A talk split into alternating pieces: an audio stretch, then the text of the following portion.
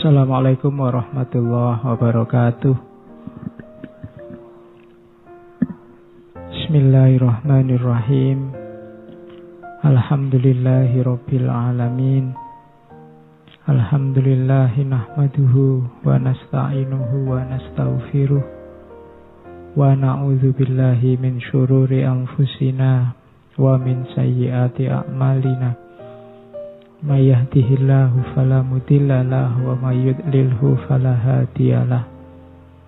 Allahumma sholli wa sallim wa barik ala habibina wa syafi'ina Sayyidina Muhammadin wa ala alihi wa ashabihi ajma'in Amma ba'du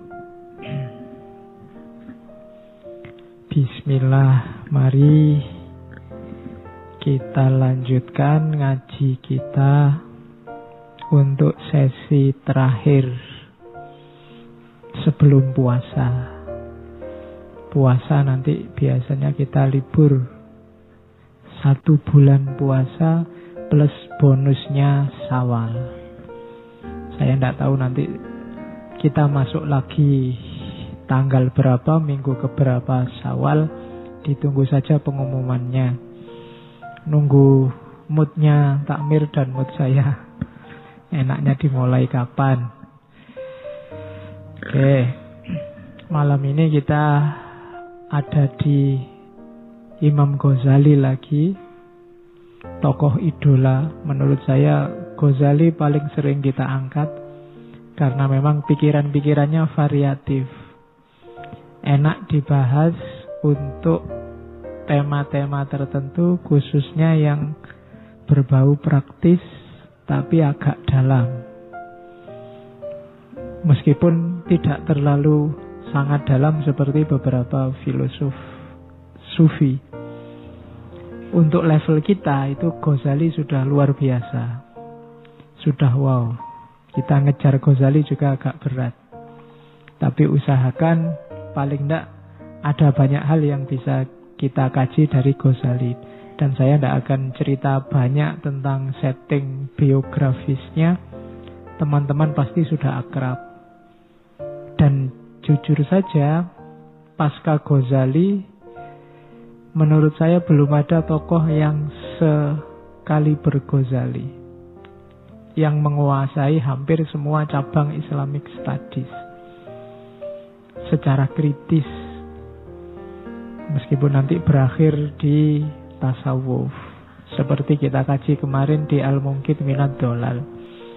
Bagi yang buntu nyari tema skripsi apa tesis itu biasanya lebih gampang kamu cari Ghazali saja.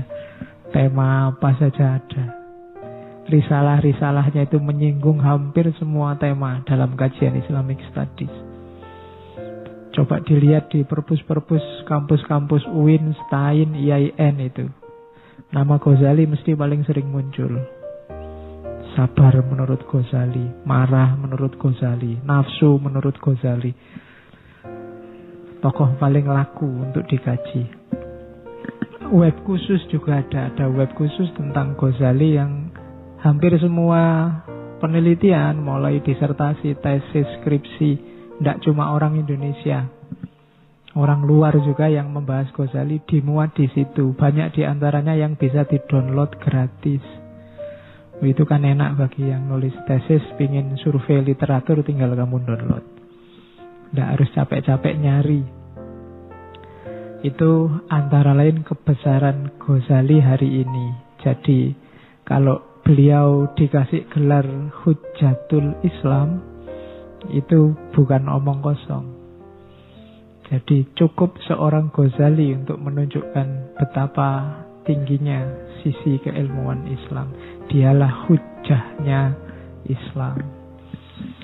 Oke, ya untuk melahirkan seorang Ghazali butuh sosok-sosok yang tangguh dan berani. Yang jelas rajin baca, rajin nulis, rajin muhasabah, rajin tafakur. Dan susah nyari yang kayak gitu hari ini. Hari ini orang pinter dikit aja sudah pingin ceramah. Sudah pingin ngasih tahu orang. baru baca satu dua kitab, pingin menyadarkan orang. Wong dia sendiri belum sadar.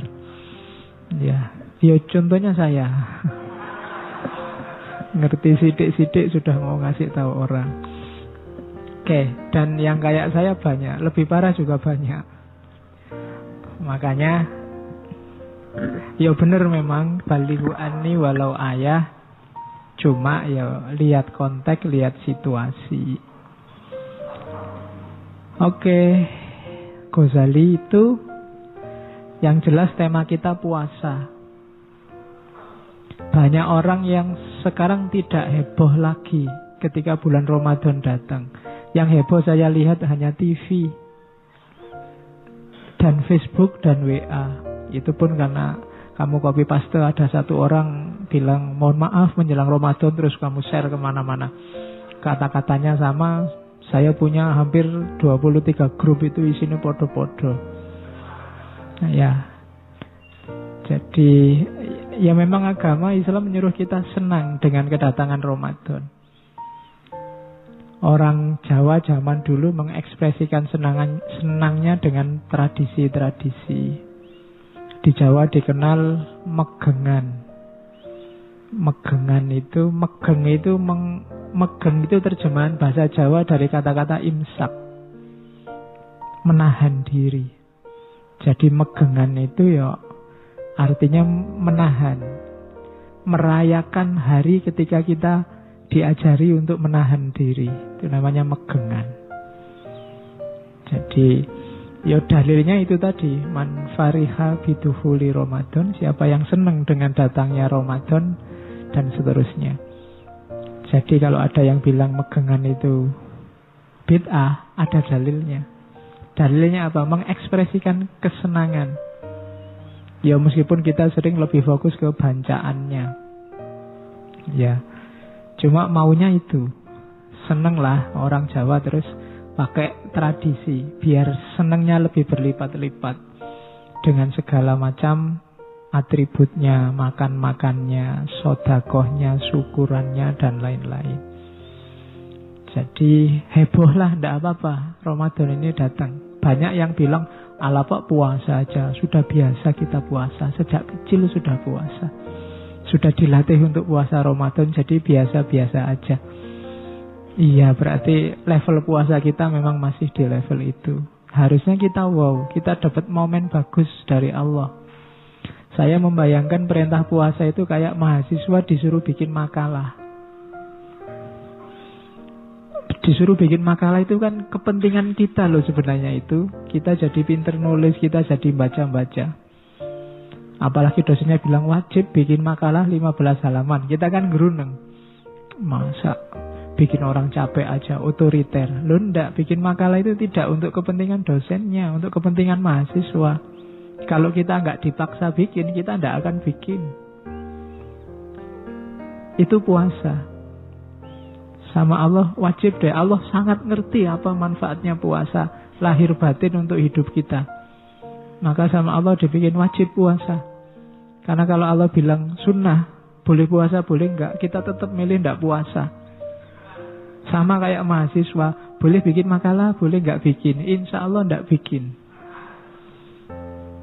Dan itu sayangnya Allah pada kita. Karena Allah ngerti apa manfaatnya puasa, maka wajib ya puasa. Dan Allah tidak butuh sebenarnya lapar dan haus kita. Butuhnya apa? Manfaat puasanya.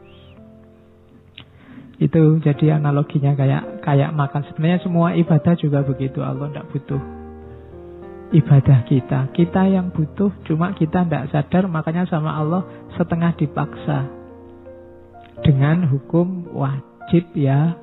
Dan manfaatnya untuk kita. Kemarin kita ngerti apa manfaatnya haji. Sebelumnya kita ngerti apa maknanya sholat. Paling awal kita kenal Abdul Qadir Jailani makna ibadah. Itu kan kita baru, oh iya ya berarti penting. Tidak ada yang diperintah Allah itu yang sia-sia. Cuma memang banyak di antara kita yang belum menangkap. Tapi jalani saja. Nanti kita rasakan sendiri manfaatnya. Puasa ini salah satu ibadah paling tua. Sejak adanya manusia di banyak tafsir itu sudah ada perintah puasa. Ibadah paling tua itu kan tiga. Puasa, korban, kemudian sholat. Sholat dalam arti ritual penyembahan tertentu. Mungkin tidak persis sama sholat kita, tapi setiap nabi pasti punya itu. Korban itu semacam persembahan. Apa yang dikorbankan untuk Allah. Sejak zaman Nabi Adam, Kobil dan Habil sudah ada korban. Nah, zaman Nabi Adam juga sudah ada puasa. Konon puasa ayamul bid 13, 14, 15 itu sudah dilakukan oleh Nabi Adam. 10 Muharram juga katanya Nabi Adam puasa memperingati pertemuannya dengan Ibu Hawa di Arafah. Kemudian siapa lagi? Nabi Nuh juga puasa. Ketika terombang ambing di lautan, umatnya disuruh puasa. Nabi Musa malah puasa 40 hari yang nanti diperintahkan juga pada umatnya. Termasuk orang Yahudi itu ada tradisi puasa 40 hari dalam setahun. Meskipun nanti dikritik oleh Al-Quran karena orang Yahudi ini uri. Ya puasa 40 hari tapi harinya milih. Milih sendiri.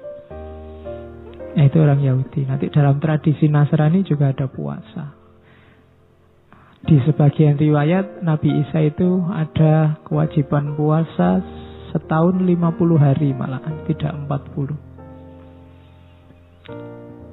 Dan seterusnya. Jadi hampir semua nabi puasa. Nabi Yakub itu mempuasai anak-anaknya. Nabi Yusuf waktu di penjara juga puasa. Hampir semua nabi puasa. Filosof Plato itu puasa. Katanya Plato, obat jasmani rohani paling baik itu puasa. Sokrates juga nyuruh orang puasa. Katanya Sokrates, dalam diri kita, dalam diri manusia itu ada unsur penyembuh. Bantulah dirimu untuk menyembuhkan dirimu sendiri. Jalannya antara lain puasa. Jadi mbahnya filosof aja poso. Masa kalian tidak puasa? Nah itu arahnya ke situ. Jadi mungkin kalian belum menangkap. Yang kalian tangkap sampai detik ini puasa itu ya lapar dan haus. Terus kalau sudah maghrib balas dendam. Ya. Jadi cuma itu. Sebenarnya manfaatnya banyak. Ya antara lain nanti kita gali dari kitabnya Ghazali malam ini. Binatang juga kan banyak yang riwayatnya puasa. Yang paling terkenal kan kisahnya ulat yang jadi kepompong terus jadi kupu-kupu. Atau ayam yang puasa ketika dia mengerami telurnya 21 hari malahan. Apalagi ular ketika dia ganti kulit dia harus puasa. Apalagi beruang kutub waktu hibernasi juga puasa. Apalagi ikan salmon waktu dia migrasi besar-besaran, yang jaraknya bisa sampai seribu mil itu dia harus puasa. Biar bisa gesit. Kalau nggak puasa dia nggak bisa gerak cepat. Nggak bisa nututi teman-temannya. Maka puasa bareng-bareng terus nyebrang bareng-bareng. Itu ikan salmon. Tumbuhan juga puasa jangan salah. Beberapa tumbuhan itu kalau dia ingin tetap hidup, dia harus mau menggugurkan daun-daunnya tertentu. Ketika dia bisa menggugurkan daun-daunnya itu maka daun yang lain selamat. Itu kan sejenis puasa. Jadi tumbuhan, hewan, orang-orang masa lalu itu puasa. Apalagi manusia hari ini itu belum kalau puasa kita terjemahkan tidak sekedar puasa lahir, puasa batin. Puasa ngomong. Ya kan? Puasa internet, puasa HP itu banyak. Kalau mau. Dan jangan salah, puasa itu bisa jadi senjata. Orang demo kan ada yang mogok makan. Itu kan puasa. Saya demo pak, mogok membaca, tidak bisa. Tidak bisa jadi senjata ternyata membaca. Yang bisa jadi senjata, puasa. Saya demo pak, mogok sholat, paling orang karepmu. Tapi begitu kamu mogok makan, orang akan panik. Dan itu dulu dilakukan oleh Mahatma Gandhi. Gandhi itu kan senjatanya mogok, makan. Jadi tahun 49 itu India kacau luar biasa. Orang Islam ngamuk, orang Hindu ngamuk. Indonesia hari ini masih untung, yang kelihatan ngamuk masih Islam saja. Kalau agama lain ngamuk rusak kita. Dan bunuh-bunuhan habis-habisan. Saat itu Gandhi, Gandhi ini tokoh terkemuka dihargai oleh Muslim dan tokoh suci dalam agama Hindu. Makanya gelarnya Maha Atma. Jiwa yang maha, jiwanya besar. Dan Gandhi deklarasi, saya tidak akan makan sebelum kalian berhenti bunuh-bunuhan. Dan akhirnya sukses. Puasanya Gandhi. Oke, itu salah satu contoh bahwa puasa bisa jadi senjata. Kalau nggak percaya, misalnya bapakmu ngirim uangnya kurang terus kamu minta, Pak ini duitnya kurang, ya sudah itu habis-habisin, ya sudah saya tak puasa aja kalau gitu. Nggak tegel mesti bapakmu. saya ndak makan lah saya, oh ndak tegel mesti bapakmu. Jadi Jangan salah, puasa itu kelihatan pasif, tapi sebenarnya dia bisa aktif dan revolusioner. Oh, itu puasa. Oke, itu di antara yang perlu kita tahu dahsyatnya puasa. Maka gembiralah kita dapat momen. Alhamdulillah kita dipaksa oleh Allah untuk puasa. Ayo kita manfaatkan satu bulan ke depan kita coba dapat apa kita dari puasa. Selama ini kan kita cuma dapat lapar dan haus sama komedi di TV-TV. Besok kita cari hasil yang lain jajal. Minggu awal dulu saya ngomong, ayo kita bikin target-target individual aja. Janji sama diri kita sendiri. Ramadan kali ini, Pak, misalnya saya mau katam sekali, kemudian nulis satu artikel yang bagus ilmiah satu kemudian itu target individual coba untuk dirinya sendiri Ramadan kali ini Pak tesis selesai kemudian ngajinya beres kemudian loh itu kan target spiritual juga janjinya sama dirinya sendiri nanti kalau sukses kasih hadiah dirimu sendiri kalau gagal juga hukum dirimu sendiri. Kita akan jarang menerapkan ini ya. Kalau semester ini IP ku 3,5 ke atas, aku akan makan di restoran paling enak. Nah, itu ngasih hadiah dirinya sendiri. Tidak apa-apa kalau uangnya ada. Loh ya kalau nggak ada uangnya ya masuk kamu mau nekat. Jadi itu ngasih hadiah atau dihukum. Kalau IP ku di bawah tiga semester ini HP off, tidak akan tak beliin pulsa. Satu semester misalnya, itu menghukum diri sendiri. Cuma yang konsisten. Latihan sukses itu diawali dari dirinya sendiri. Termasuk puasa. Saya tidak tahu sudah berapa Ramadan kalian janji mau khatam tapi tidak pernah khatam. Biasanya semangat hari pertama, kedua, ketiga, setelah itu wallahu alam bisawab. Ramadan ini ayo latihan, tantang lagi. Oke, kita lihat ya. Ini Ghazali dari Ihya Ulumuddin. Ada satu bab yang kadang-kadang dibahas secara tersendiri judulnya Asrorus Siam. Rahasia puasa. Ada apa dengan rahasia puasa? Menurut Ghazali kita lihat tidak tebal, tidak banyak. Hanya kalau ditulis kecil-kecil, terus kertasnya luas, itu cuma 10 halaman. Cuma kalau diukur buku ya bisa 30-an halaman. Tentang Asrorus Siam, rahasia puasa.